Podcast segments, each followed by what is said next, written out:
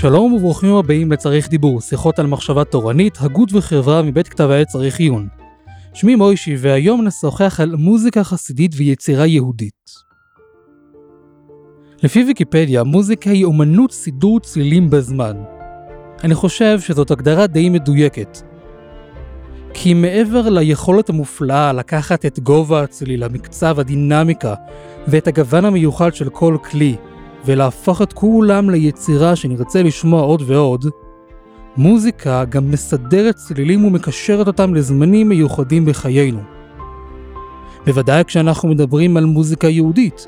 יש ניגונים לשבת, לימים טובים, התוועדויות, קומדיצים, חופה, חתונה, ברית, וכן, גם להלוויה. כך גם במוזיקה שהיא לא קשורה בהכרח למעגל השנה היהודי. אומן טוב מצליח לגעת בנו ולהפוך חלק מפסקול החיים שלנו. יש שירים לזמני שמחה, לזמני עצב, געגוע, נחמה, וגם לזמנים שאנחנו מחפשים משהו קצת אחר. המנגינה תמיד נמצאת שם, כל זמן והצלילים שלו. כמו שאמרנו, מוזיקה היא אומנות סידור צלילים בזמן. השאלה המתבקשת היא, האם באמת מוזיקה יהודית לא יותר מצלילים יפים שאנחנו צורכים בזמנים מסוימים? יכול להיות שהיא גם מבטאת משהו עמוק יותר כמו נפש האומן? כדי לנסות לענות על השאלה הזאת ושאלות אחרות, אני שמח לארח את נתנאל לייפר, חוקר מוזיקה יהודית, מבקר מוזיקה יהודית, מגיש תוכנית המבקר באתר כיכר השבת, ועורך מדור המוזיקה של האתר. שלום נתנאל. שלום מוישי. תודה רבה שבאת. אז לפני שנתחיל את השיחה, אולי קודם כל נדבר על הגדרות. כשאנחנו מדברים על מוזיקה חסידית, למה בעצם אנחנו מתכוונים? טוב, הגדרות זה, זו הבעיה המרכזית, כי אה, אם אנחנו מנסים להגדיר, קודם כל אתה רוצה מוזיקה חסידית, מה זה בכלל מוזיקה יהודית? נכון. אה, ולמעשה אין תשובה מאוד מאוד מאוד אה, אה, חד משמעית בעניין הזה, אתה יודע, כל חוקר יגיד לך משהו אחר. אה, אתה יודע למוזיקה לא עשו ברית מילה היא לא לובשת כיפה לא ציצית אה, בסופו של יום זה המוזיקה היא המשמעות שאנחנו נותנים לה שאנחנו מעניקים לה כי okay. אוקיי. אני אתן לך דוגמה קצת קיצונית אם עכשיו אני אקח אה, שיר להיט פופ לועזי בוא נאמר אפילו אה, ששר אותו זמרת ואפילו אם היא לבושה ממש ממש לא צנוע אני אפרק אותו מה... אקח את המנגינה עצמה נטו אה, אלביש למילים יהודיות, יביא זמר חסידי לשיר את זה, ואשמיע את זה לאדם שמעולם לא שמע את הגרסה המקורית. והם יבצעו את זה ברגש רב, וזה יישמע, יכול להישמע כמו שיר חסידי אותנטי, מרגש מאוד, שיכול להתאים לשולחן השבת או לבית הכנסת. מה השתנה? זאת אומרת, המשמעות של המוזיקה היא המשמעות שאנחנו מעניקים עכשיו אם אני אשמיע את זה לאדם שכבר מכיר את הגרסה המקורית יגיד אוי ואבוי מה קורה פה טומאה נוראה אני מרגיש טומאה נוראה הטומאה היא לא בשיר הטומאה היא. במשמעות שאנחנו נותנים לשיר. שאתה נותן לה כי, כי אתה זאת אומרת ברגע שאתה מכיר את הטומאה אז אתה אומר אוי ואבוי טומאה. אה, חלק גדול מהשירים שאנחנו אה, מכירים ושומעים או אפילו שרים בשולחן שבת בהתלהבות רבה במקור היו אה, שירי עם לעיתים עם מילים פחות תואמות את רוח היהדות שולחן השבת או כל מקום קדוש נכון. אחר אבל כשאנחנו בכלל לא מכירים את המקור אנחנו מכירים רק את השיר היהודי מה שנקרא עם המשמעות היהודית הכל תקין הכל כשר הכל בסדר זאת אומרת מוזיקה בכלל מנגינה אתה יודע תמיד יש את הוויכוח הזה על מוזיקה קדושה לא קדושה המוזיקה היא לא קדושה. עכשיו אתה יודע נכנס פה עכשיו לוויכוח שיר שנוצר על ידי אה, נגן יהודי כשר האם יש בו קדושה עכשיו אוקיי אני לא מכיר קדושומטר שאתה מכניס אותו לתוך השיר והוא מראה לך 37 מעלות צלזיוס או משהו כזה. Um, אני חושב שבסופו של יום המוזיקה זו המשמעות שאנחנו מעניקים וכשאנחנו אומרים מוזיקה יהודית זה מה זה יהודי בשבילנו בשביל המאזינים בשבילי יכול להיות מוזיקה יהודית מה שמסוים אבל מישהו אחר יגיד לך בשבילי מוזיקה יהודית זה משהו אחר בשבילי אה, אה, אה, מוזיקה מרגשת זה מנגינות הימים נוראים לך להגיד בשבילי מוזיקה מרגשת זה בכלל מוזיקה מזרחית של איזה פייטן ששר איזה יצירה של 28 דקות עם 58 קטעים.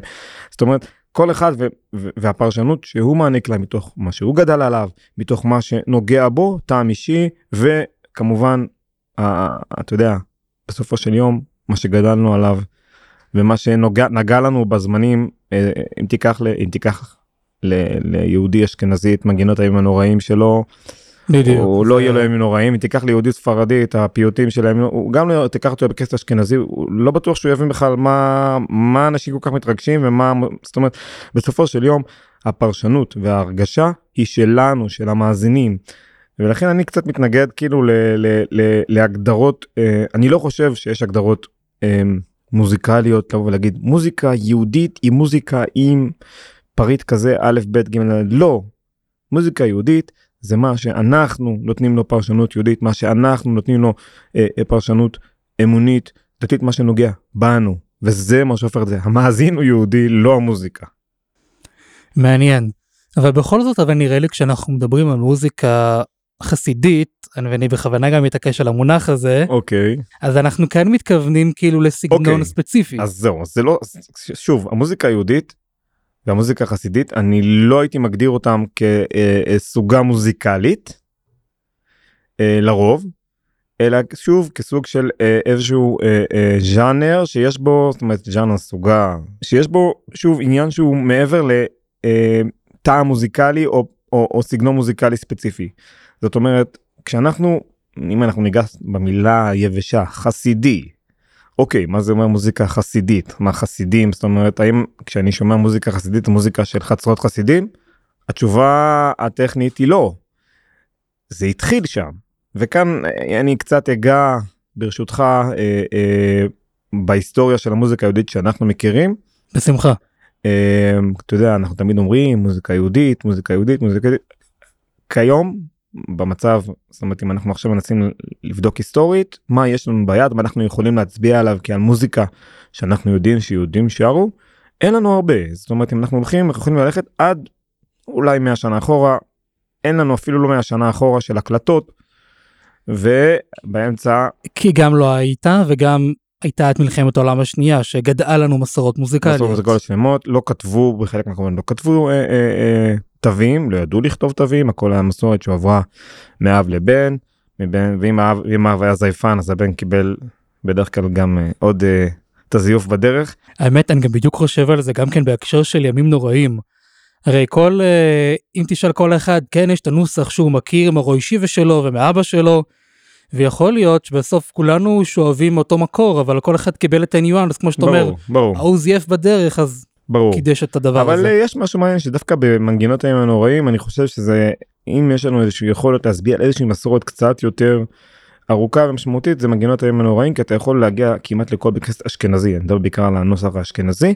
לכל בקסט אשכנזי ברחבי העולם ופחות או יותר תשמע את אותם ניואנסים. לימין לשמאל אבל הניואנסים מאוד מאוד דומים. חזרת השץ תישמע מאוד מאוד דומה. לא השירים אלא הנוסח עצמו. הנוסח כן. וזה אתה יודע אומרים שזה מהמהר"ל בערך אלף שנה אחורה שוב אין לנו באמת יכולת אה, אה, לבוא ולומר אם זה נכון או לא נכון כי אין לנו הקלטות ואין לנו תווים יש לנו בסך הכל אתה יודע שמועה.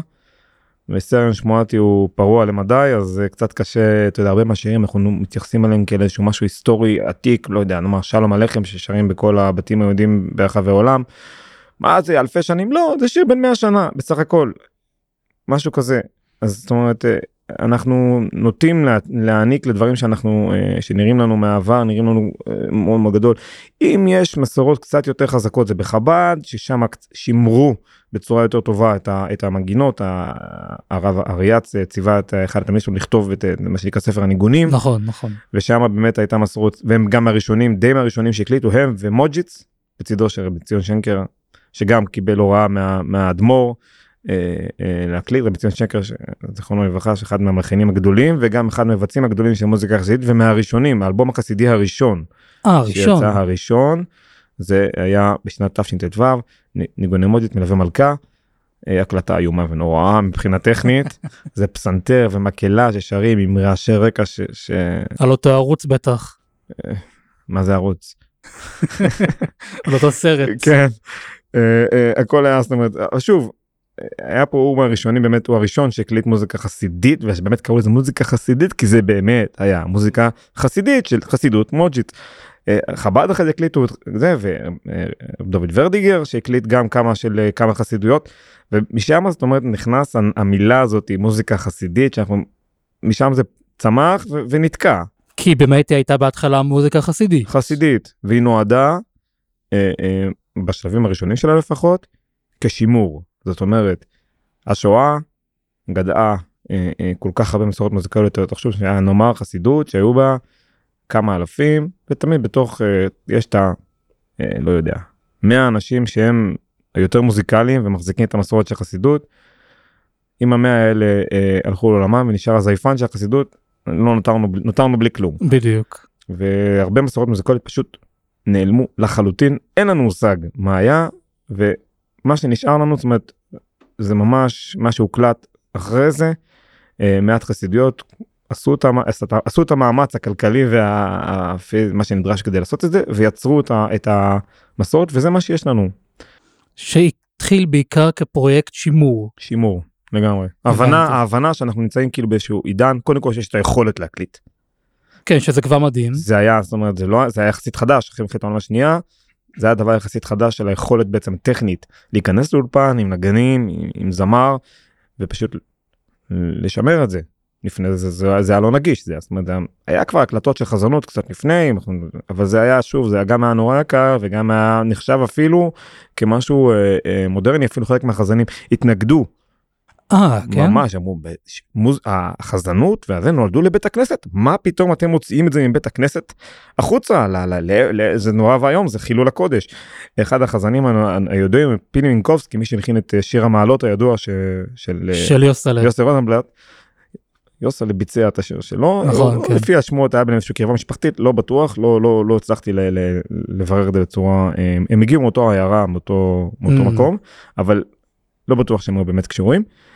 אה, הוא מאוד מאוד התנגד להקלטות הוא אמר שהקלטות זה פשוט אה, דבר נורא ואיום שהוא בעצם אה, אתה לוקח את התפילה הקדושה מבית הכנסת החזנות נועדה כדי ליצור תפילה זאת אומרת שוב אנחנו נכנסים פה לאיזשהו מה התפקיד בכלל של מוזיקה אבל זה אם תרצה ניגע בזה בהמשך. בדיוק. והוא אמר זה נורא ואיום אתם פשוט מחללים את הקודש לוקחים את הדבר הקדוש הזה ומשתמשים בו לבידור כדי שתוכל לשבת בסלון ולשמוע מה כל נידרי זה, זה, זה לא זה, זה, זה נורא ואיום כל נידרי שרים בכל נידרי מה, מה זה זה זה נכון אין איזה זמן אחר זאת אומרת בכלל כל הדבר הזה של למה מקליטים היה מאוד זאת אומרת אה, עד שלא נוצר הצורך הזה של שימור. החסידויות אפילו לא נראה לי חשבו על זה זה לא היה משהו שעמד בכלל כ- כ- כ- כאופציה כי זה משהו שעבר מאב לבן וכם אה, לא לא הייתה סיבה כאילו גם לא שר זאת אומרת אני חושב שגם לא הייתה תרבות כזאת של שמיעת מוזיקה בכלל זאת אומרת גם טכנית טכנית לאנשים לא היה אתה יודע אנחנו מדברים על הגרמופון פטיפון זאת אומרת זה דברים שהם יחסית נוצרו ממש באזור מלחמת העולם השנייה אולי קצת לפני הגרמופון. והם גם היו מאוד יקרים ובדיוק מי שהחזיק אותו זה באמת היו רק אנשים מאוד עשירים שהיה להם איזה סלון מפואר מלא בכלי פורצלן וחרסינה ו... והיו שומעים את החזנות וזה היה באמת משהו לא לא נגיש זה לא היה משהו שכל אחד אה, אה, בטח לא לא שמעו לו ברכב כאילו הרכב כאילו בדיוק ולא אה, הדרכים לשמיעת מוזיקה באמת התפתחו ואיתה התפתח גם הצורך והרצון. זהו אז באמת בהתחלה אולי באמת חשוב שנאמר את זה בהתחלה המוזיקה לא התייחסו אליה כאל משהו. נגיד את, המו, את, את המילה מוצר צריכה ואנחנו אחרי זה נדבר כן צריכה לא צריכה אבל הם לא התייחסו לזה כאל... כן, אנחנו מתייחסים לחזנות זה מוצר צריכה עם חטא, אבל... אה, יפה, יפה מאוד. אבל באמת הם התייחסו לזה כ... כאל תפילה, כאל משהו כן. שקשור לטיש, כאל לשמר את המסורות המקודשות. לא בהכרח איזה משהו שקשור... אמ, לא לבידור. לא לבידור שאנחנו מכירים אותו היום, שזה הופעות, אלבומים, סינגל, כאילו... זה, ממש... הגיע, זה, זה הגיע ממש במוזיקה היהודית, זה הגיע ממש אחרי. אה, זהו, היה אז... שימוש היה שימוש במוזיקה ל... אה, אתה יודע בחתונות היה קלייזמרים שניגנו כל מיני ניגונים אנחנו לא יודעים חלק מהם הניגונים אתה יודע חלק השתמרו בתווים חלק לא. אבל אנחנו לא באמת יודעים אם הייתה מוזיקת פנאי ואיך היא בדיוק קרתה. אני משער ש... שהיו דברים כאלה זאת אומרת שהיו כל מיני שירי עם כאלה שיש בעיקר ביידיש או דברים כאלה שהסתובבו. אין לנו ממש אה, אה, מסורת ברורה או אין הקלטות או שאנחנו באמת יודעים מה מה שרו או מה שמעו. אם מישהו רצה לשמוע מוזיקה מה הוא עשה? לא יודע בכלל מה זאת אומרת אתה יודע כשיש לך אופציה למה שאתה חושב עליו כשאין אופציה אז, אז זה לא קיים אתה אפילו לא מסתכל על זה כמשהו שהיית רוצה לעשות זה מורכב. נכון. ומתי מתחיל לקרות השינוי הזה שהמוזיקה עוברת נקרא לזה משימור מבית הכנסת למשהו שאנחנו יותר מכירים אותו מהצורה של היום? אה, אם אני מנסה לשים אצבע ואני לא זאת אומרת אתה יודע זה זה יכול להיות אה, שנוי במחלוקת. אני יכול לשים את האצבע קצת על אה, קרליבך אוקיי, אה, סוף שנות החמישים. קרליבך אה, בחור צעיר מוכשר מאוד יודע שלוש אקורדים אבל עושה איתם נפלאות. מוציא את האלבום הראשון שלו הנשם הלך. ומה מיוחד שם באלבום הזה? אני חושב שהוא פשוט הוא לא הוא לא חזן הוא לא בא לעשות חזנות הוא לא בא לשמר שום דבר הוא יוצר חומר חדש לחלוטין הוא, הוא, הוא זמר. עכשיו אתה יודע אנחנו יכולים להתווכח על הוא זמר הזה אבל זאת אומרת מה מה מה, המשמעות של הוא זמר הזה הוא רוצה להופיע הוא רוצה אה, שישירו את השירים שלו עדיין לא ברור אה, איך זה קורה ואיפה אבל אני חושב שהוא הוא מציב פה איזשהו מודל חדש של אה, אה, יצירה ומוזיקה יהודית. שמאוד מושפע מהמודל ה singer songwriter. הפולק האמריקאי וזה גם גם מה שמעורר את זה זמר יהודי עם גיטרה השם ישמור כלי נוראי של אה, אטומה. אה, כן זאת אומרת גיטרה זה מה זה גיטרה זמר עם גיטרה מה מה מה לא לא אנשים זאת אומרת הייתה התנגדות בעצם בכלל לשימוש בגיטרה למה? כי היא נתפסה בתור כלי כלי אמריקאי. כלי אמריקאי גוי נורא ואיום כאילו אתה יודע אנחנו מסתכלים על זה אנחנו לא מבינים בכלל מה מה מדובר אבל בדיוק הרי היום כל בחור ישיבה הכלי הראשון שהוא מתחיל איתו זה גיטרה. כן ראשון ואחרון אבל אה, יש ב... יש תפיס... אומרת, התפיסה אז בכלל על, על, על מה זה מוזיקה ו... ולמה משתמשים בה זאת אומרת הוא- אני חושב שהוא יצר פה איזשהו סוג של שינוי וגם התנגדות זאת אומרת אנשים ניסו לא לא כל כך הבינו היו הרבה הייתה הרבה התנגדות. הייתה התנגדות לקרליבך מסיבות נוספות גם אבל נכון. אבל גם זה היה חלק מה, מה... השימוש במוזיקה במשהו שהוא מעבר לתפילה מעבר ל... אה, לא יודע לטיש. כן אלא יותר. זהו למה באמת הוא עשה את כל זה הוא עשה את כל זה כי כדי לקרב כדי אה, טוב זה, זה גם שאלה של פרשנות זאת אומרת אה, אוקיי. כשקרליבך הוציא את השירים שלו הוא רצה להיות זמר הוא רצה להפיץ את השירים שלו אתה יודע אין פה כמובן ש, ש, שהיה שם גם אלמנט של של אה, יהדות וחיבור ליהדות וקירוב והכל והוא עסק בזה כאילו כל חייו אבל אתה יודע זה, זה קצת יותר מורכב אה, בכל אופן אה, הייתה פה השקעה והקלטה זאת אומרת האלבומים הראשונים של קרליבך היו אלבומים מושקעים למדי עם תזמורות ועיבודים וזאת הייתה הפקה. כן, אה, נכון. אני חושב באמת אבל שאחד מהדברים ה... המאפיינים ואני חושב שגם כתבת את זה במאמר שלך שכתבת לצריך עיון שהוא פתאום הביא איכויות מאוד אה, אמריקאיות זאת אומרת אם זה בסגנון הלחנים אם זה בכלי אם זה ב... אתה גם כתבת לא זוכר איפה אבל הוא פתאום שם את עצמו במרכז הוא פתאום הופך למין סופרסטאר כזה. אה, טוב אם אנחנו מתייחסים לעניין הסופרסטאר אז אני חושב שגם החזנים באיזשהו מקום היה להם את המקום הזה יוסל רוזנבלט היה כוכב לכל דבר ועניין. ואם אנחנו גם קצת נכנסים לדיסקוגרפיה של של אה, יוסל רוזנבלט היו הרבה שירים שהם לא ממש חזנות אה, מי שמכיר את המבדיל אה, או שיר המעל- שיר המעלות זה לא באמת חזנות זה, זאת מוזיקה שהיא עטופה עם חזן ועם איזשהו סגנון קצת כבד מוזיקלית אבל זה גם מה שהיה אז בעולם. בסופו של יום אני חושב שכל כל מקום שהיו בו יהודים ושהם התעסקו במוזיקה אז הם היו מושפעים מהמקום עובדה שכשיהודי מגיע ממרוקו הוא שר בסגנון מסוים כשיהודי הגיע מפולין הוא שר בסגנון אחר. אז זאת אומרת אה, וזה ברור גם מה ההשפעות זאת אומרת היהודים נכון. אה, תמיד הושפענו מאיפה שהיינו קיבלנו את הלבוש את האוכל. אתה יודע היהודים ממרוקו אוכלים קוסקוס. ויהודים מפולין אוכלים גפילטו פיש וזה לא סתם זאת אומרת יש פה איזשהו משהו שהוא מעבר ל... ל אתה יודע אין- כמו או- מוזיקה יהודית זה כמו אוכל יהודי ברמה מסוימת כל מקום והיהודי שלו. אז אה, זה באמת אה, ואני חושב שגם המקום הזה של ההשפעות האלה שאתה מדבר עליהם של קרליבך. קרליבך היה בארצות הברית, זאת אומרת, הוא נולד בגרמניה אבל הוא כבר כילד אה, גדל בארצות הברית שמע מוזיקה אה, אה, מקומית הושפע ממוזיקאים מקומיים ויצר משהו שהוא, אתה יודע, מהאווירה שהוא יצר, שהוא, שהוא היה בה. אווירה שהוא היה בה וגם היא גם מאוד התק... זהו אבל היא גם מאוד התכתבה גם עם האווירה שהוא היה בה עם הסיקסטיז עם ילדי הפרחים וכולי. זה קצת יותר מאוחר, כן, אבל כן, ברמה מסוימת. כן אני אומר אבל זה מאוד התכתב זה כאילו. אני חושב שאולי גם זה ההבדל כי אם עד עכשיו בן ציון שנקר ודובי ורטיגר וכולי כתבו עם העבר. כתבו עם העבר הוא פתאום מסתכל רגע מה קורה בהווה. וזה כן פתאום ככה שינוי. נכון, שינוי משמעותי מאוד. אתה יודע, אחר, אחריו זה כבר נוצר, זאת אומרת, אני לא יודע אם להגדיר את זה כאחריו, האם זה בגללו, האם זה לא בגללו, האם זה יותר רחב, קשה, קשה לומר את זה משהו באופן חד משמעי, כי אנחנו לא באמת אה, יכולים אה, אה, לאמוד את זה, אבל אה, ההשפעה הייתה, זאת אומרת, אחריו הגיעו המון, אה, אנחנו מדברים על אה, יותר מאוחר קצת מרדכי בן דוד, וטוב זה כבר אנחנו מדברים כבר שנות ה-70 ויכולים לדבר על uh, עוד המון uh, עברה אפילו יותר מאוחר שנות ה-80 uh, אבל ההשפעה זאת אומרת. אם אני מסתכל אני מחפש את היוצר את היוצר, היוצר הבולט הראשון אז קרליבך הוא באמת uh, הגיע למקום והוא לוקח את המוזיקה בעצם למקום אחר מוציא אותה מהבית כנסת לחלוטין לא רק באפשרות של לשמוע את זה מחוץ לבית כנסת שזה כבר קורה לפני אלא בעצם במחשבה למה בכלל מקליטים מוזיקה ומה המטרה של כל הדבר הזה. ובסוף זה מעניין שגם חוזרת לבית הכנסת המוזיקה שלו.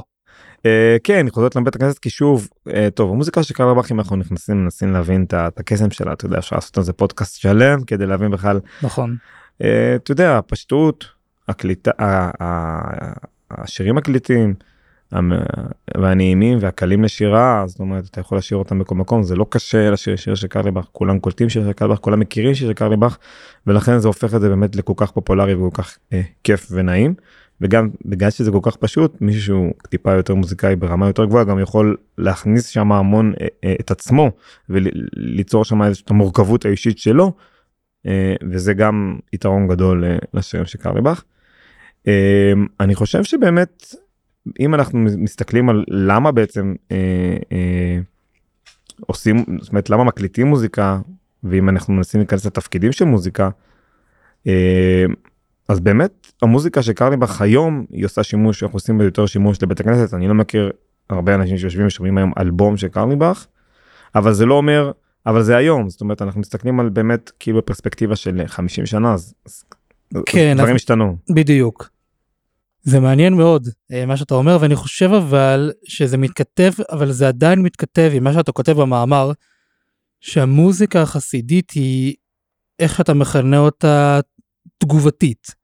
זאת אומרת התגובה הראשונה הייתה של שימור אבל גם התגובה השנייה גם התגובה של קרליבך היא בעצם סוג של כן. תגובה תגובה למה שקורה בעולם ואיזושהי הבנה שאולי צריך לספק לנוער לצעירים לצעירים היהודים איזשהו משהו שהוא אה, אולי יהווה סוג של אה, אה, תחליף בדיוק למוזיקה בדיוק. הגויית. בדיוק כדי שלא ילכו לביטלס ולעוד חברים נחמדים אז הנה יש לכם קרליבך.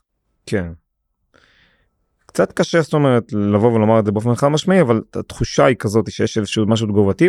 ושוב אנחנו גם רואים את זה גם בתכלס בסגנונות המוזיקליים. המוזיקה החסידית היא אמנם תמיד הייתה טיפה בדיליי אבל היא באיזשהו מקום אה, היא משקפת את הסגנונות המוזיקליים שהצליחו בעולם. זאת אומרת הרוק והמוזיקה החסידית יוצרת רוק היא קצת נתקעה על הרוק עוד אה, כמה שנים אחרי זה אבל אבל הרוק והפולק וה- והדברים זאת אומרת זה באמת איזשהו סוג של אה, אה, אם אנחנו מסתכלים על המגמות העולמיות המוזיקליות והיום זה הפופ באיזשהו מקום אנחנו אה, מושפעים מאוד ויוצרים איזשהו משהו שהוא סוג של אה, מראה בדיליי של מה שקורה בעולם. אה, וזה לא בהכרח רע. לא יודע טוב ורע זה זה משהו שהוא מאוד אה, קשה להגדיר אותו. אה, מישהו מבוגר אז הוא, מתרגש יותר מהדברים שהוא שמע כנער ו- ו- נכון. וגם שוב זה גם שוב כמו שאמרתי אני חושב שזה עניין של פרשנות זאת אומרת אם אתה שומע מוזיקת פופ אה, אה, אה, לועזית ואז אתה שומע את המוזיקת פופ היהודית היי זה אותו דבר היי אבל שוב אם אתה שומע את המוזיקה הלועזית אז הבעיה היא בך. אה, אתה בוחר אה, אה, לתת את ה... את ה...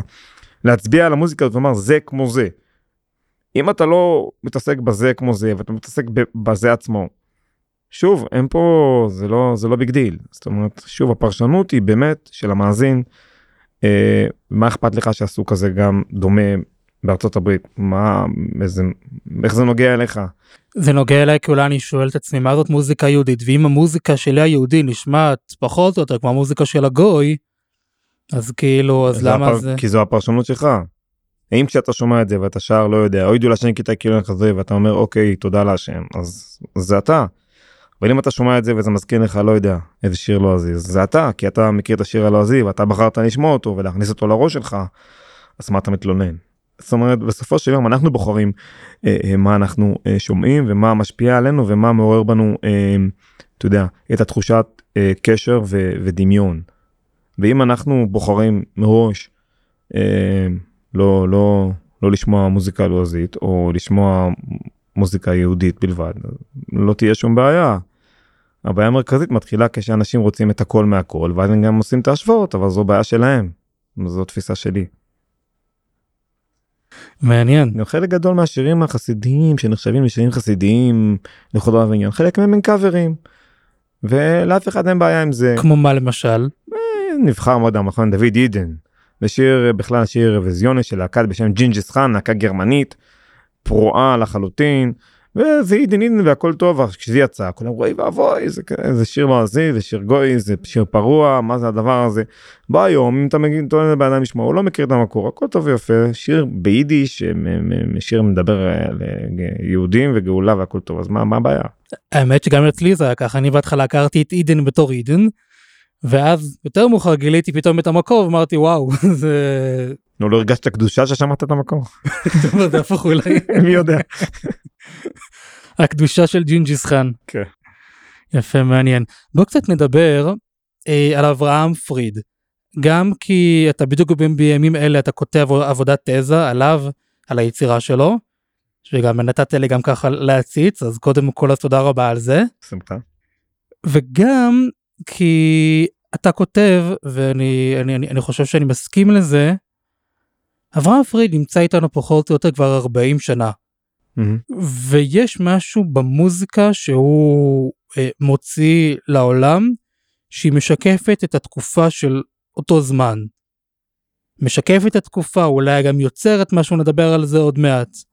ולכן אני חושב שזה יהיה מאוד מעניין לדבר דווקא על אברהם פריד כאיזשהו סוג של מקרה בוחן למוזיקה החסידית הפופולרית, לאו דווקא שירי הקודש, Mm-hmm. אלא הפופולרית של ימינו.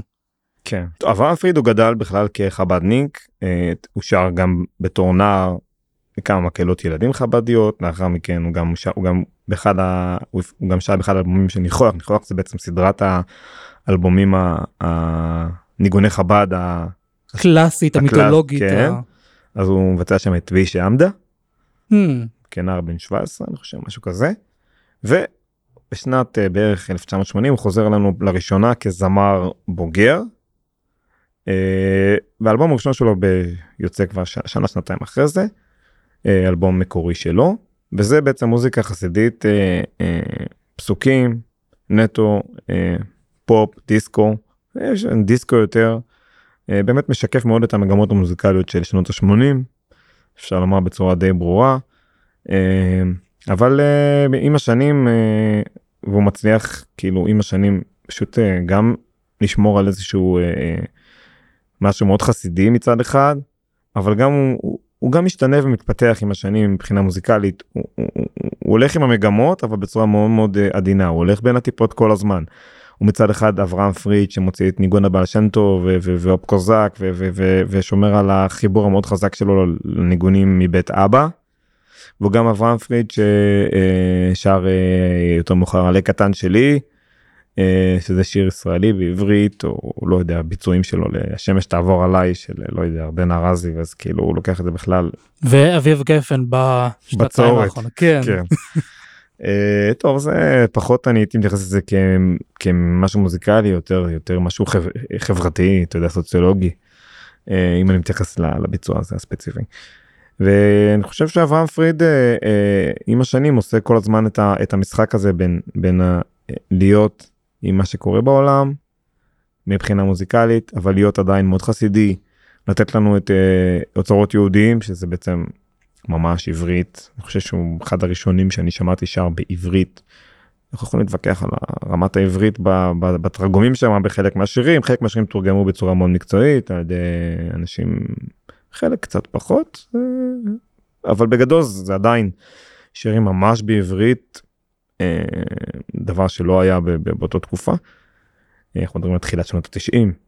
זה לא לא בדיוק אה, לפני אוף שמחס לפני בדיוק לפני שכל זה קרה. כן לפני ש, שבכלל אה, אה, הכרנו את הדברים האלה גם לפני אוף שמחס וגם לפני אחרי זה הגל הגדול של הדירה. שהחוזרים בתשובה כן בדיוק. שהיוצרים החוזרים בתשובה שהם בעצם פרצו את הדרך אני חושב לכל מה שאנחנו מכירים ושומעים היום בכלל במוזיקה נכון. היהודית. אנחנו כבר נדבר על זה אבל כן.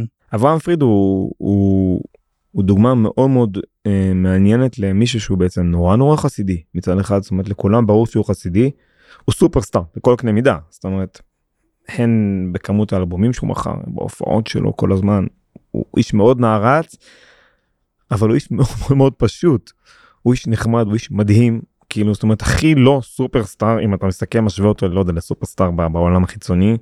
הוא האיש הכי צנוע עניו ו- ו- ו- ויהודי שקם כל בוקר הולך לבית כנסת ומתפלל וקובע עיתים לתורה והוא גם שר זאת אומרת יש פה איזשהו משהו מאוד מאוד מעניין בדמות הזאתי שהוא, שהוא משמר שהוא משמר כאילו בטבעיות מאוד מאוד פשוטה אבל זה האיש וזה יסוד הקסם שלו בעיניי לפחות. הוא מצליח מצד אחד אה, אה, לעשות גם דברים שאולי אנשים אחרים היו חוטפים על הראש הוא מופיע בהופעות מעורבות. ועדיין הוא מצליח להופיע גם בכנסים הכי מקובלים זאת אומרת יש פה איזשהו משהו שהוא מצליח כל הזמן ללכת בין הטיפות.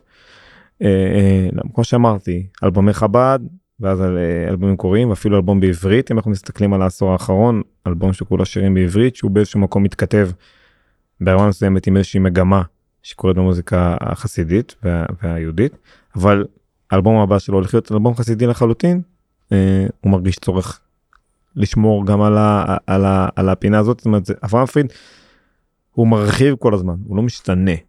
זאת אומרת הוא, הוא נותן הכל מהכל הוא שר חסידי הוא שר מקורי הוא שר בעברית. אם צריך הוא ישר גם בצרפתית. זה מעניין מה שאתה אומר כי אם אני לרגע אה, עושה איזושהי השוואה שאינה במקומה וכולי עם כל ההסתייגויות אבל ובכל זאת ליעקב שווקי החל מ-2014 הוא אומר אני לא עושה יותר מוזיקה חסידית מה שאתם קוראים מוזיקה חסידית אני עושה מוזיקה יהודית. ויהודית זה אומר יותר פופ זה אומר יותר מילים בעברית זה אומר יותר שירים באנגלית. זאת אומרת באיזשהו מקום קצת זונח אם אפשר לומר את ה... את המוזיקה Mhm. שעבר, שגדלנו עליה. ולא פריד כן עושה את כן. זאת הדילוגים האלה. אברהם פריד שומר יותר על, ה... על כל הקהלים יעקב שווקי עשה בחירה מאוד מודעת מאוד אה, מחושבת שהוא רוצה לעשות משהו קצת אחר. אה, הוא באמת עומד על זה ואתה יודע בסופו של יום זה עניין של בחירה אישית שלו כאמן. אם זה עובד לו וזה טוב לו וכיף לו הכל טוב. אה, אברהם פריד באיזשהו מקום הוא, הוא כל הזמן מה שנקרא שומר על כל ה... הוא שומר על כל ה... הוא לא מוותר על כלום הוא רוצה להיות גם הזמר החסידי וגם זה שישיר בעברית הכל טוב. נכון. בוא נדבר רגע גם כן על היצירה שלו אם אפשר לומר. קודם כל אמרנו שאחד מהדברים שהוא ממשיך להביא באלבומים שלו זאת ההתכתבות לפחות בהתחלה עם מה שקורה בעולם אם זה עם הפופ עם הדיסקו עם הרוק פחות או יותר. הוא מביא את זה אבל עדיין אני חושב שזה מאפיין שאנחנו רואים אותו כמעט עד היום במוזיקה. הוא לא בניגוד לקרלי באך הוא לא מלחין את המוזיקה שלו את רוב המוזיקה נכון אני הוא אתה גם הלחין לא מעט אבל אה, זה לא ה... זה לא. זה לא המוטיב הכי משמעותי ב... ב... ב... זה... אני לא הייתי מגדיר אותו כיוצר. בדיוק אה, למרות שהוא יצר אה, בערך 30 שירים שהוא הלחין אותם רובם לעצמו גם לאחרים קצת. אבל אה, בגדול אברהם פריד הוא מבצע. מבצע נהדר אני אני אוהב אותו מאוד גדלתי עליו גם אני אבל uh, הוא מבצע הוא לא יוצר הוא לא זאת אומרת זה לא זה לא זה האיל- לא זה האיילת שלו כ... כ... כ... זאת אומרת אם הוא מגדיר הוא מגדיר את עצמו הוא לא מגדיר את עצמו כמלחין הוא מגדיר את עצמו כזמר. בדיוק ולכן אני אומר מהבחינה הזאת הוא שונה מקרלי באך כי, כי באך אומר לא יודע אם יש לי קול יפה כנראה יש הרבה יחשבו שלא אבל אני יש לי את השירים שאני מלחין אני יוצר אני מעוניין לבצע אותם כן. זה אני חושב אני חושב אם אנחנו מסתכלים בכלל על, המוזיקה החסידית זה איזשהו שינוי די משמעותי שאנחנו חווים בשנים האחרונות אם המוזיקה החסידית בתחילתה באמת הייתה ברובה. שוב אנחנו מדברים על uh, בן ציון שנקר שהוא מלחין אדיר שהלחין בערך 600 שירים וגם זמר היה זמר נהדר אז הוא גם ביצע וגם שר. טוב קרלבך כמובן ביצע ושר אבל המוזיקה החסידית אם אנחנו מתייחסים לא יודע אברהם פריד מרדכי בן דוד שגם הלחין לא מעט שירים. אבל שוב הוא לא מגדיר את עצמו כמלחין אלא יותר כזמר. רוב הזמרים במוזיקה החסידית היו בעצם מבצעים. הם פשוט קנו לחן לא יודע יוסי גרין לקחו מעבד לא יודע מוישל עופר מונו רוזנבלום ו- ו- ויצרו איזשהו uh, תרכובת ביחד והם הגיעו לפעמים לפעמים הגיעו רק בש- בשלב האחרון כדי לשיר. אה, באלבומים הראשונים של אברהם פריד. אה, אני לא בטוח כמה המורה אפילו בבחירת השירים עצמם. או-אה. שיהיה מנדלוביץ' המלחין הוא זה שעשה את העבודה אברהם פריד הגיע לשיר.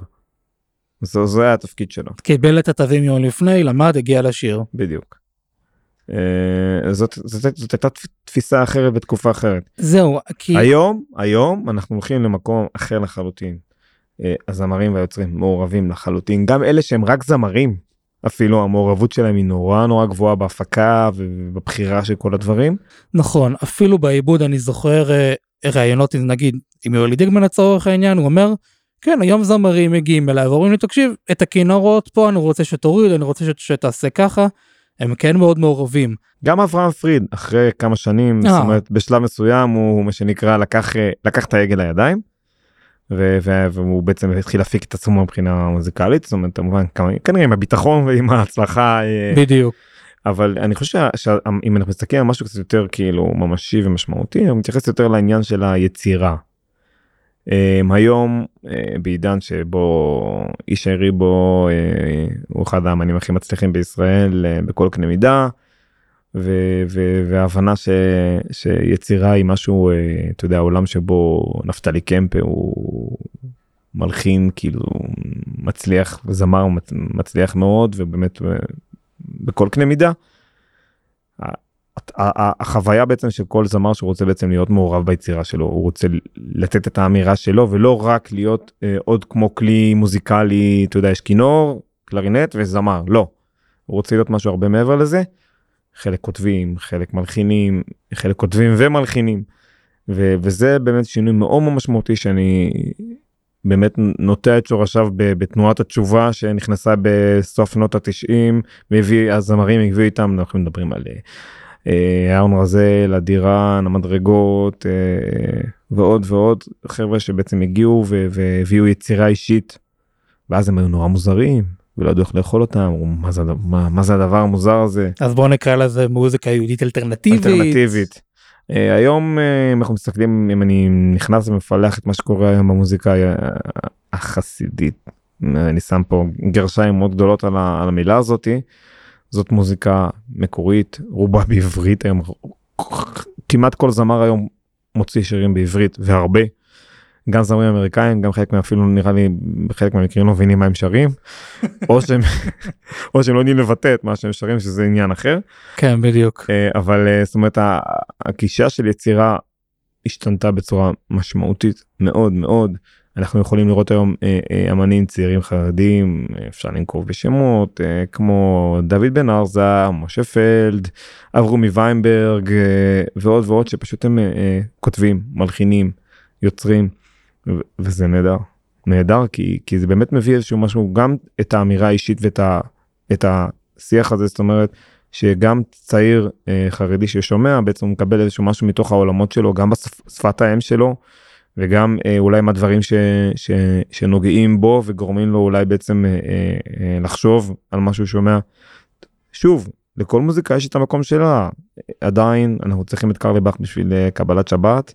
בדיוק. ואנחנו צריכים את השירים החסידיים לזמירות שבת ובחתונות אנחנו עדיין צריכים את הרוק כי אין מה לעשות עם רוק רוקדים כי אנחנו לא נרקוד עם אה, עם תותים או מה שזה יהיה. פחות כן. פחות אנחנו רוצים יותר לרקוד עם המוזיקה החסידית אה, אה, וזה זורם יותר טוב אבל עדיין אה, אה, שוב שזה גם שוב אם אה, אפשר לגעת פה דרך זה ברגלי הצריכה.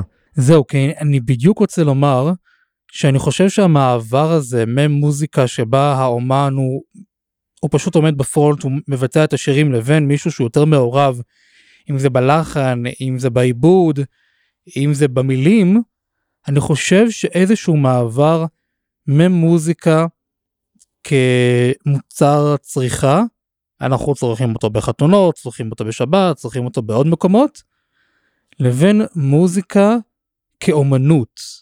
מוזיקה ככלי לביטוי אישי, לביטוי רגשות. ממילא, אם זה בקצה קצת יותר רחוק, אם זה מוזיקה שהיא ביטוי לרגשות או ביטוי לפנימיות, אז זה צריך להיות מבוטא גם בשפה שבה אנחנו מדברים, בשפה mm-hmm. שבה אנחנו מבינים את העולם, ולכן איש הריבו כותב בעברית, ולכן... נגעת בנקודה מאוד מעניינת, כי אם התפיסה, אם אני מנסה ככה לגעת בתפיסה של המוזיקה החסידית יותר בשנות ה-80-90, זה היה בעצם מקצוע. שבעצם אתה עושה אוקיי בוא ננסה לחשוב איך אני אה, מוציא כמה שיותר לעיתים לחתונות או לזה כדי בדיוק. למכור כמה שיותר אלבומים עוד מחוז אלבומים היה כזה דבר והמחשבה הייתה איך ליצור וכולם רצו ליצור באיזושהי תבניתיות מסוימת כי זה מה שהולך ואתה מצליח ואתה צריך כאילו להיות בז'אנר כדי ז'אנר כדי... ואתה תמיד שומע את אותן חצוצרות בהתחלה ואותו קצב ואותו גיטרות ואותו תופים הכל היה נשמע פחות או יותר אה, הרבה מהאלבומים אתה יכול לשמוע אז נשמעים מאוד מאוד דומה כי זה גם רובם אותם נגנים אותם מעבדים אותם נגנים אותם מלחינים כן. כן. המקום של היצירה האישית באמת לא היה לא היה משמעותי זאת אומרת כל פעם הגיע זמר עם קול אחר ופתאום התייחסנו לקול שלו. יותר נעים יותר נעים פחות מלטף יותר מלטף איזה טונים הוא מגיע. אבל אבל עדיין בסופו של יום המשמעות הייתה יותר כאילו ל, ל, למוצר. בדיוק. ואני חושב שגם אם היינו שואלים את הזמרים למה אתה שר? למה אתה עושה את מה שאתה עושה? כנראה לא יודע לדבר בשם, בשם אף אחד אבל כנראה היה אומר תקשיב יש לי קול יפה, אני יודע לשיר, אז למה לא? זאת אומרת, אין בוא פה... נעשה מזה כסף. כן, בדיוק, כן, כן, אין פה איזה... לא שכסף זה בושה, אבל חס כן. וחלילה, אנחנו... אנחנו בעד. כן, בדיוק.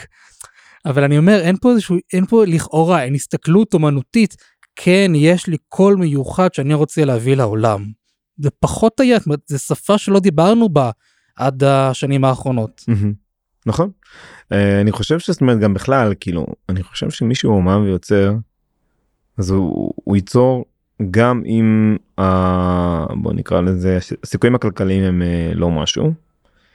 הוא פשוט יוצר כי הוא צריך ליצור. כי יש לו את זה במערכת והוא חייב לשחרר את זה, זה, זה אין, אין אופציה אחרת הוא, הוא יוציא כסף מכיסו והוא, והוא פשוט ייכנס לזה זה לא זה לא בחירה. אה, אנחנו ראינו את זה שהרבה זמרים חסידים ברגע שקרנם ירדה הם הפסיקו למכור. טוב אז לא שרים. כן נעלמו. כאילו, זאת אומרת אין, אין להם אין את הדחף הזה כאילו ליצירה הרבה הרבה יותר נמוך. כי אין פה יצירה יש פה בעצם אוקיי מוצר אם אם אני מוכר את המוצר מה טוב ומה נעים אם אני לא מוכר את המוצר אז למה ליצור אותו. למה בדיוק. להשקיע גם השקעות זאת אומרת כל העולם גם אז היה של הקלטות היה מאוד שונה. אה, אולפנים גדולים אולפנים גדולים ויקרים נגנים חיים היום יושב לך כל אחד יושב לו באיזה מקלט קטן עם איזה מחשב ומיקרופון ויוצר חומרים מעולים זאת אומרת יש פה גם העולם משתנה טכנית וגם אה, אה, העניין הזה של אה, יצירה מאוד מאוד מאוד התפתח ואני אני, אני שמח בזה. אם כבר נגעת בזה שהיצירה עצמה גם אם מישהו רוצה ליצור היא הפכה למאוד אה, נגישה, אני חושב שזה גם מוביל אותנו להצפה מטורפת במוזיקה.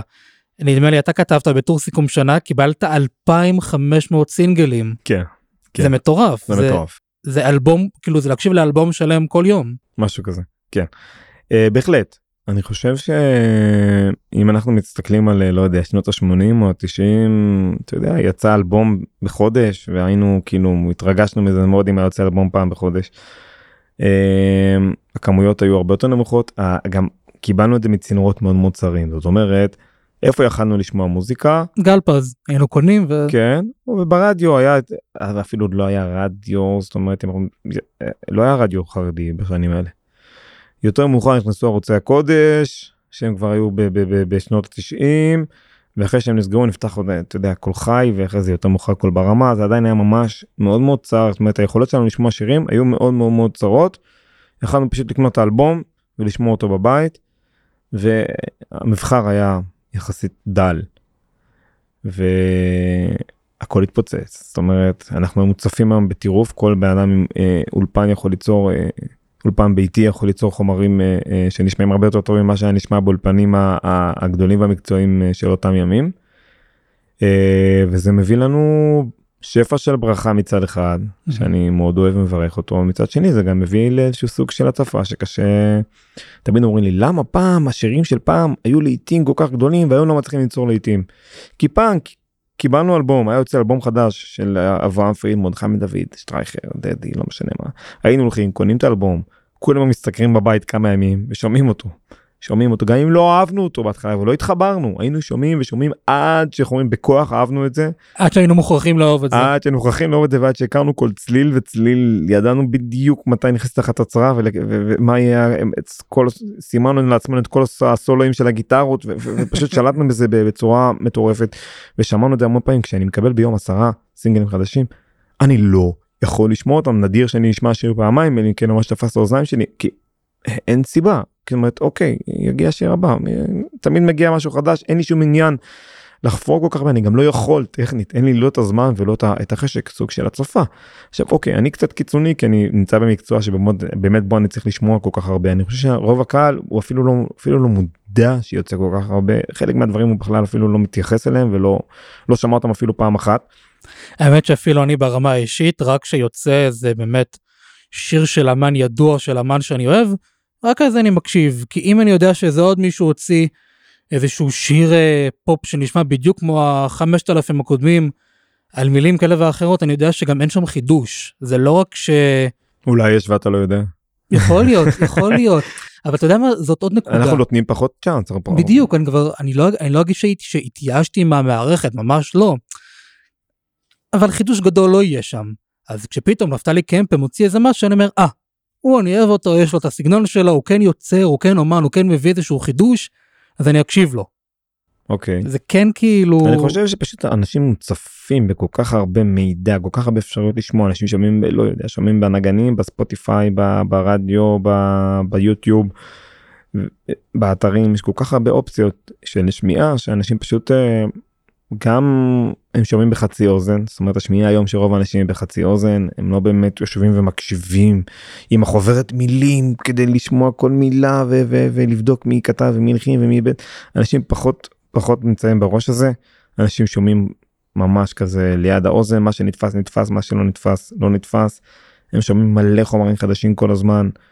פעם הייתה התרגשות השמעת בכורה. ואז אה, אתה יודע זה היה התרגשות היינו הייתי יושב עם קסטה בתוך הטייפ כדי ברגע שישים כדי שאני אוכל להקליט כדי שאני אוכל לשמוע את השיר אחרי זה במהלך השבוע עוד פעם כדי שאני אכיר את השיר החדש ואני אהיה זה שמכיר את השיר החדש של אה, לא יודע מי. לא יודע מה זה נתן לי אבל זה נהניתי מזה זה היה כן, לא, זאת הייתה תקופה כיף, כן. היום כאילו מה המשמעות של זה אין לזה משמעות כמעט הכל הכל קורה כאן ועכשיו ומהר וזמין ואתה יכול לשמוע מתי שאתה רוצה את מה שאתה רוצה העולם השתנה ואם זה השתנה גם זאת אומרת זה יוצר פחות לעיתים. זהו אתה חושב באמת שזה שהרגלי הצריכה שלנו השתנו זה משפיע גם כן על היצירה עצמה על המוזיקה עצמה שמשתנית? אם אולי מגיבה לטרנדים או שמלכתחילה אנשים אולי קצת פחות משקיעים כי יודעים שיש שינויים כאלה? קשה לי לומר לך אם אנשים פחות משקיעים אתה יודע תמיד יש את האופנה הזאת של לזרוק כל מיני מספרים אלבום עלה לי 150 אלף דולר. אוקיי או שכן או שלא. מי שמוציא כאלה סכומים כאלה היום אלבום לדעתי הוא חולה נפש. זה אני אומר חד משמעית אין סיבה. אין סיבה אין סיבה טכנית אין סיבה כלכלית אין כן אתה סתם אתה מבזבז את הכסף שלך. למה נגיד הוא כן רוצה עם להקלט עם הפילהרמונית לא יודע. כל אחד יכול לעשות מה שהוא רוצה אנשים גם יכולים לצאת אה, לקנות אה, עכשיו אה, יאכטה הכל בסדר אין בעיה כל זאת אומרת כל אחד יכול לבזבז את כספו ככל העולה על רוחו השאלה יש איזה צורך האם יש איזה הצדקה. הצדקה. זאת אומרת, הכל טוב יפה כל אחד יכול לעשות מה שהוא רוצה אבל הרבה אם אז לא הייתה ברירה אחרת זאת אומרת כאילו לא יכלת להקליט אלבום בלי אה, אה, עשרות כלי מיתר וכי פשוט היית לא לא היית נשמע לא כמו בסטנדרט הזה. היום יש הכל מהכל אפשר ליצור הקלטות הרבה יותר רכות ואפילו יותר נעימות. ברמה מסוימת נמאס אני לא יכול לשמוע את החצוצרות יותר סורי. סורי חצוצרות לא יכול. אתה יודע אפשר לנגן בחצוצרה אבל לחצוצרה יכול להיות תפקיד מסוים יותר רך גם. שיש, הצ... שיש, שיש הצדקה אומנותית. זאת אומרת לא לעשות חצוצרה כי צריך שיהיה חצוצרות. למה? כי, כי, כי במוזיקה חסידית בפתח יש חצוצרות. לא. הצדקה צריכה להיות הצדקה אה, אה, אומנותית זאת אומרת שתהיה סיבה למה דווקא חצוצרה ולא סקספון למה דווקא אה, אה, לבחור פה אה, להשתמש בסקסת כלי מיתר זה צריך שיהיה לזה אה, סיבה. זה לא יכול לקרות רק כי בז'אנר הזה אמורים עכשיו לדפוק כל מעבר חצוצרות. זאת אומרת אם אני מבין את מה שאתה אומר גם הציבור מתחיל להתייחס למוזיקה באמת כאל יותר משהו אומנותי ופחות כאל משהו אה, זאת מוזיקה וככה היא צריכה להישמע. לגמרי אני חושב שאנשים פתוחים הרבה יותר לשמוע דברים אחרים. מה פה שפתוחים הם כבר שומעים דברים אחרים. הם שומעים את ישי ריבו והם שומעים את נפתלי קמפה שהוא אם אני מגדיר אותו לדעתי הוא, הוא האמן החסידי הכי חשוב היום. כי הוא גם יוצר בעצם מוזיקה שהיא מוזיקה חסידית מבחינת התכנים שלה ומתכתבת ברמה מסוימת מוזיקלית עם המוזיקה החסידית של פעם אבל היא עדיין מאוד שונה. הרבה יותר מרעננת הרבה יותר ישראלית הרבה יותר עדכנית מבחינה הוא מציב איזשהו איזשהו רף מוזיקלי מסוים עבודה נפלאה שלו ושל הצמד שעובדים איתו קליין וברי. אמ, זהו כי באתי באמת לשאול עד כמה אומנים שיוצא לך לפגוש הם באמת uh, מתייחסים לזה כאל אומנות עד כמה הם מבינים היום ש... כן היום כן כולם. היום אני חושב זאת אומרת כל כל אחד רוצה זאת אומרת כל אפילו זמר הוא רוצה להרגיש שהוא, שהוא חלק מה, מה, מהדבר הזה ברמה היצירתית האומנותית. זאת אומרת הוא לא רק בא לשיר אני כמעט לא פוגש היום אנשים שאומרים לך אני רוצה לשיר וזהו. לא נדיר מאוד רובם היום ממש מסתכלים על זה כאל יצירה כאל איזשהו משהו שמבטא אותם איפה הם מתבטאים בתוך הדבר הזה אז חלק מהם יבטאו את זה בקליפ בעיסוק עיסוק מאוד מאוד משמעותי בקליפ חלק מהם עם מעורבות מאוד מאוד עמוקה בתוך העיבודים והיצירה והבחירה של הלחנים והמילים וכל הדבר הזה זאת אומרת. יש פה באמת העמקה הרבה יותר גדולה מצד האמנים מאשר מאשר חווינו בעבר. ואני חושב שכל אחד, אתה יודע, אני חושב שאנחנו רוצים להשפיע. גם אנחנו עכשיו, אנחנו עושים פה פודקאסט, למה אנחנו עושים את זה? אנחנו רוצים שישמעו אותנו, אנחנו רוצים להביע את, ה, את עצמנו, את הדעה שלנו. אני חושב שזה, שזה, שזה, שזה משהו מאוד לגיטימי, ואני חושב שגם זמר שהוא, שהוא רוצה לשיר, הוא לא רוצה רק שיגידו איזה קול יפה יש לו, אלא גם איך הוא יודע לבחור שירים, איזה שיר יפה הוא כתב, אה, מה הוא מביא פה את עצמו, ש... את הקול שלו, את, ה, את הקול, לא רק במובן הווקאלי. בדיוק. אלא גם במובן הפנימי יותר, הפנימי יותר שלו, כן. בהחלט. בוא נדבר על העבודה שלך. העבודה שלי. המבקר. המבקר, כן. אתה יודע, ביקורת פנים בכלל זה דבר שהוא די נדיר במחוזות שלנו. קודם אפילו מפחדים מזה קצת כן. אוקיי למה באמת? תראה יש את הסיסמאות של אה, אומרים לך אה, לשון הרע או אה, למה אם מישהו השקיע כל כך הרבה כסף אתה מגיע בא ואומר שזה לא טוב אתה בעצם עושה לו נזק אתה בעצם. אני יכול להבין את ה... אני יכול להבין לפעמים זאת אומרת אמירה ואני חושב ש... שמה שמנחה אותי ובקריטריונים שאני הצבתי לעצמי כי, כי אין פה באמת איזשהו קריטריון שאני צריך אה, לעמוד בו. איזושהי אתיקה אה, וכולי. המצאתי אתיקה שלי ומשהו שאני עומד בו קודם כל המטרה שלי היא, היא בסופו של יום לתת למאזינים איזושהי יכולת אה, לקבל מוזיקה טובה יותר זאת אומרת שאנשים ידעו שיש מישהו שיושב שם בצד השני והוא יכול אה, אה, להצביע ולומר המלך הוא עירום. אה, עצם זה שאני קיים זה כבר אה, איזשהו משהו ש, שיש לו משמעות. כי אנשים יודעים יהיה מישהו ש, שאם זה יהיה גרוע יהיה מישהו ויגיד נו באמת. אה, זה דבר ראשון. מעבר לא משנה מה אני אומר עצם עצם היותי אני חושב שזה משהו שהוא, שהוא נצרך יש צורך שיהיה מישהו ש... ש... שיאמר משהו שיכול לומר משהו שיהיה לו את האומץ די תפסיקו להביא לי את השבלונה הזאת כן שיהיה מישהו עם אומץ שיהיה מישהו ש... שמסוגל אה, להסתכל בעיניים ו- ו- ולומר את זה עכשיו. כן מאוד מאוד חשוב לי לא לפגוע באף אחד. מאוד מאוד חשוב לי ו- והכלל שאני הצבתי לעצמי אה, שאני לא אכתוב או אומר שום דבר מעולם לבן אדם שאני לא יכול לשבת מולו להסתכל לו בעיניים ולומר את זה. ואני חושב שזה שזה משהו אה, מאוד משמעותי כי אתה יודע גיבור מקלדת זה מאוד קל והרבה פעמים יש לי בדיחות אני אומר לך יש לי בדיחות טובות יש לי חידודים אני יכול. אתה יודע אני צוחק אני יושב אני צוחק כי זה אני צוחק עם עצמי כי אני יודע יצא לי פה זה משהו מצחיק אבל אני יודע ש, ש, שזה מעליב. זה פוגע זה לא מתאים ואני לא אכתוב את זה. זה לא לעניין כי כי המטרה שלי היא לא אה, ש, ש, שיגידו או איזה חד הוא איזה מצחיק הוא אה, אתה יודע איזה חכם אני כאילו זה לא זה לא העניין אני לא בא לפאר זאת אומרת לפאר את עצמי בתוך הסיפור הזה כמובן אין לי בעיה אתה יודע אני אני לא איזה אתה יודע משה רבנו ענב מכל אדם או משהו כזה לא מתיימר. אבל uh, אני כן כולנו רוצים קרדיט זה כן הכל בסדר גמור, כן. כן אני פשוט פשוט לא כאילו לא בקטע של להתכבד בקלון של של מישהו אחר כאילו ולהצביע. אני תמיד משתדל שבתוך ביקורת שלי גם קודם כל זאת אומרת שלא תהיה ביקורת שהיא רק ביקורת. אני תמיד אה, אשתדל למצוא את, ה, את הזוויות הכוללות של הדבר הזה. החיוביות כאילו גם לגעת בנקודות החיוביות וגם אם צריך לבוא ולומר אוקיי כאן כאן כשלתם כאן יכלתם להתאמץ יותר. מה זה המילים האלה נו באמת. אה, כן בעיקר האמת שאם יש אה, מוטיב חוזר שאני רואה שככה שמאוד מפריע לך האמת שגם לי. זאת השפה העברית בעיקר בשירים שמקורם בחו"ל בדיוק. כן יש הרבה פעמים טקסטים שהם מביכים מביכים פשוט זה מה נו אתה רציני כאילו מה זה מה, מה זו העברית הזאתי. למה לקחת שיר ברמה של גנון ולשיר אותו ברצינות כאילו אתה שר עכשיו איזה לא יודע מה. אה, מחאו כפיים תרימו את הידיים שמיים וכולי זה מערבל קלישאות כזה. כן זה, יש מכונה כזאת שמכניסים את כל המילים לוחצים על הבלנדר יוצא משהו ובאדם שר את זה. יש הרבה שירים כאלה לצערי. פחות מבעבר ברוך השם אני חייב לומר. היה לי היה לי היה לי נקודה מעניינת כן לפני כמה שנים פגשתי את אחד הזמרים הכי גדולים אה, במוזיקה החסידית. אה, הוא שר הרבה בעברית. וראיינתי אותו אצלי בתוכנית ואחרי הרעיון כזה הוא מספר לי כזה לתומו.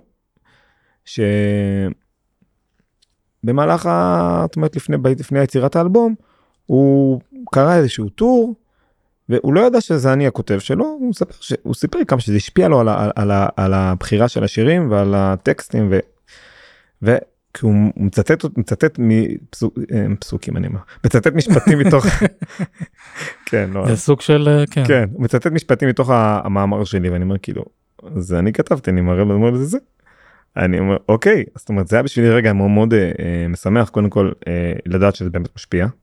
זהו שיש שיש לזה אתה יודע יש לזה אפקט שאני לא אה, מדבר מדהים. מכיר. כן מדהים. אה, אני מקבל אני מקבל הרבה תגובות כאלה מאמנים או גם אמנים מאוד מוכרים שהם אה, גם שהם שחשוב להם אתה יודע להשמיע לשאול שדברים לפני או, או זאת יש איזשהו רצון שדברים כן יהיו.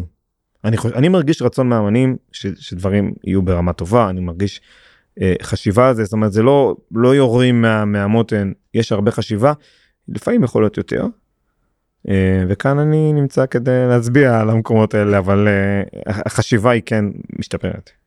ואתה, ואתה רואה גם שאנשים גם מקשיבים למגמות שאתה מציין זאת אומרת אומרים רגע אני מוציא אלבום מעניין אותי מה נתנאל לחשוב על זה. חד משמעית כן. קורה הרבה פעמים בטח. אה, אנשים כן זאת אומרת לא בגלל שעכשיו בסופו של מוזיקה זה טעם אישי זאת אומרת אם אני אוהב או משהו זאת אומרת אני יכול לאהוב משהו מאוד ולא יודע והציבור לא אוהב את זה או שאני יכול לא לאהוב וזה הופך להיות ללהיט אני לא יכול לבוא ולומר לך אם השיר טוב או לא טוב אם יצליח או לא יצליח. אני יכול להצביע על, על דברים מסוימים שהם או לא יודע נעשו בצורה חאפרית או, או טקסטים ברמה אה, אה, רדודה. אה, סאונד לא טוב אה, עיבודים שבלונים אני לא יכול להגיד מה יצליח ומה לא יצליח פונים, פונים אליי זמרים. מה אתה חושב האם זה יכול להיות להיט אני לא יודע אני שלחתי ללמוד נביאות נפלתי בקורס מבוא.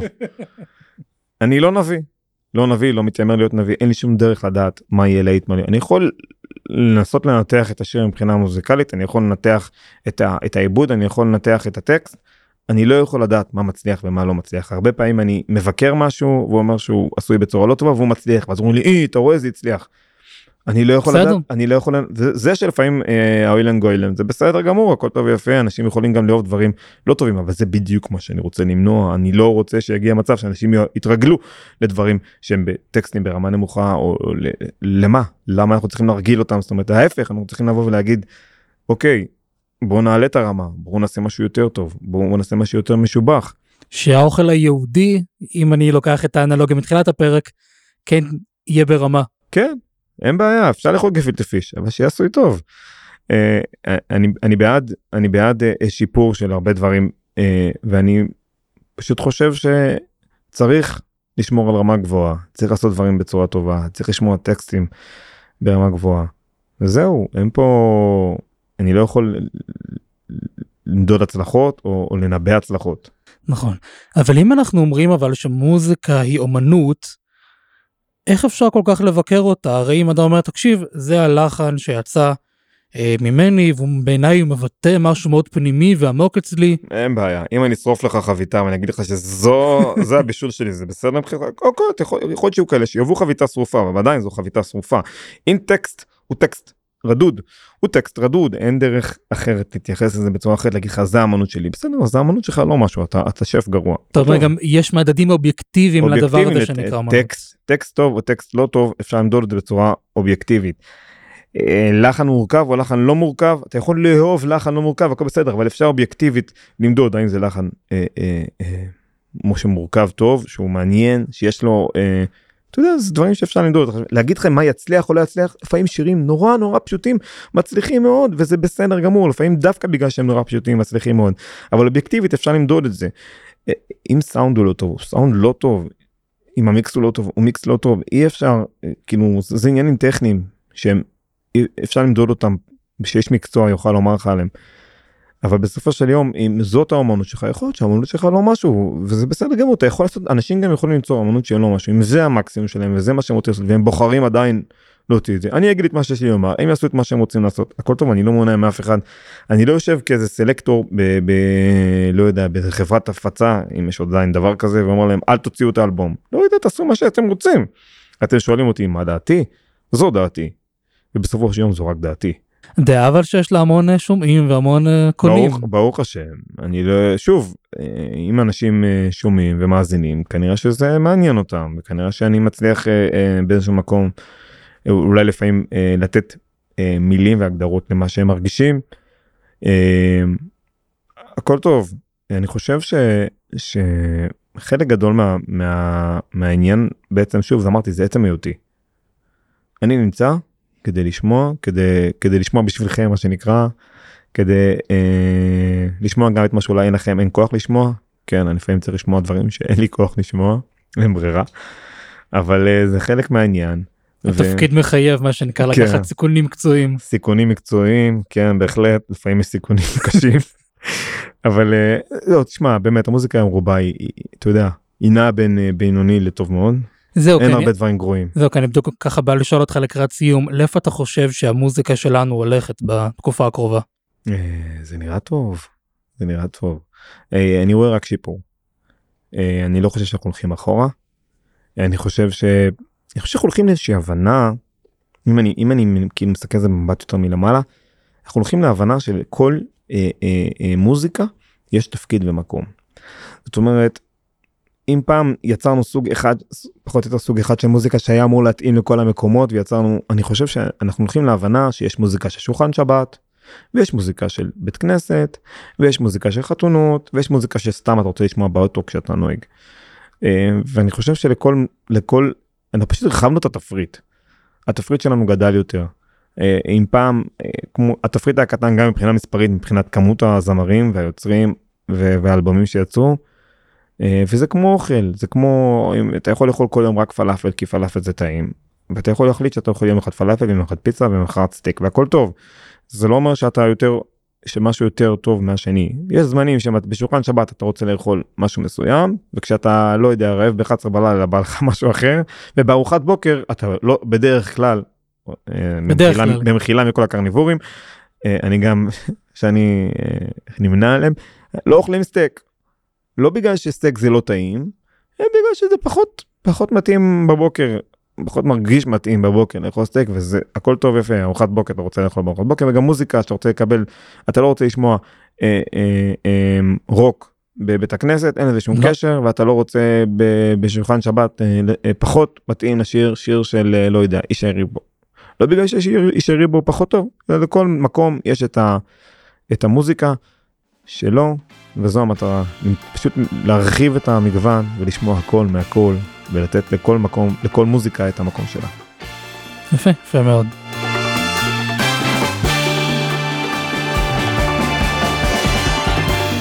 תודה רבה נתנאל אייפר, תודה מוישי. הייתה שיחה מאוד מעניינת ומרתקת. תודה רבה גם כמובן לרב ישוע פפר, לרב מיכאל נחטרלר, אליהו לוי וליוסי גרין על כל הליווי העזרה וההכוונה. ואחרונים חביבים, תודה רבה לכם המאזינים.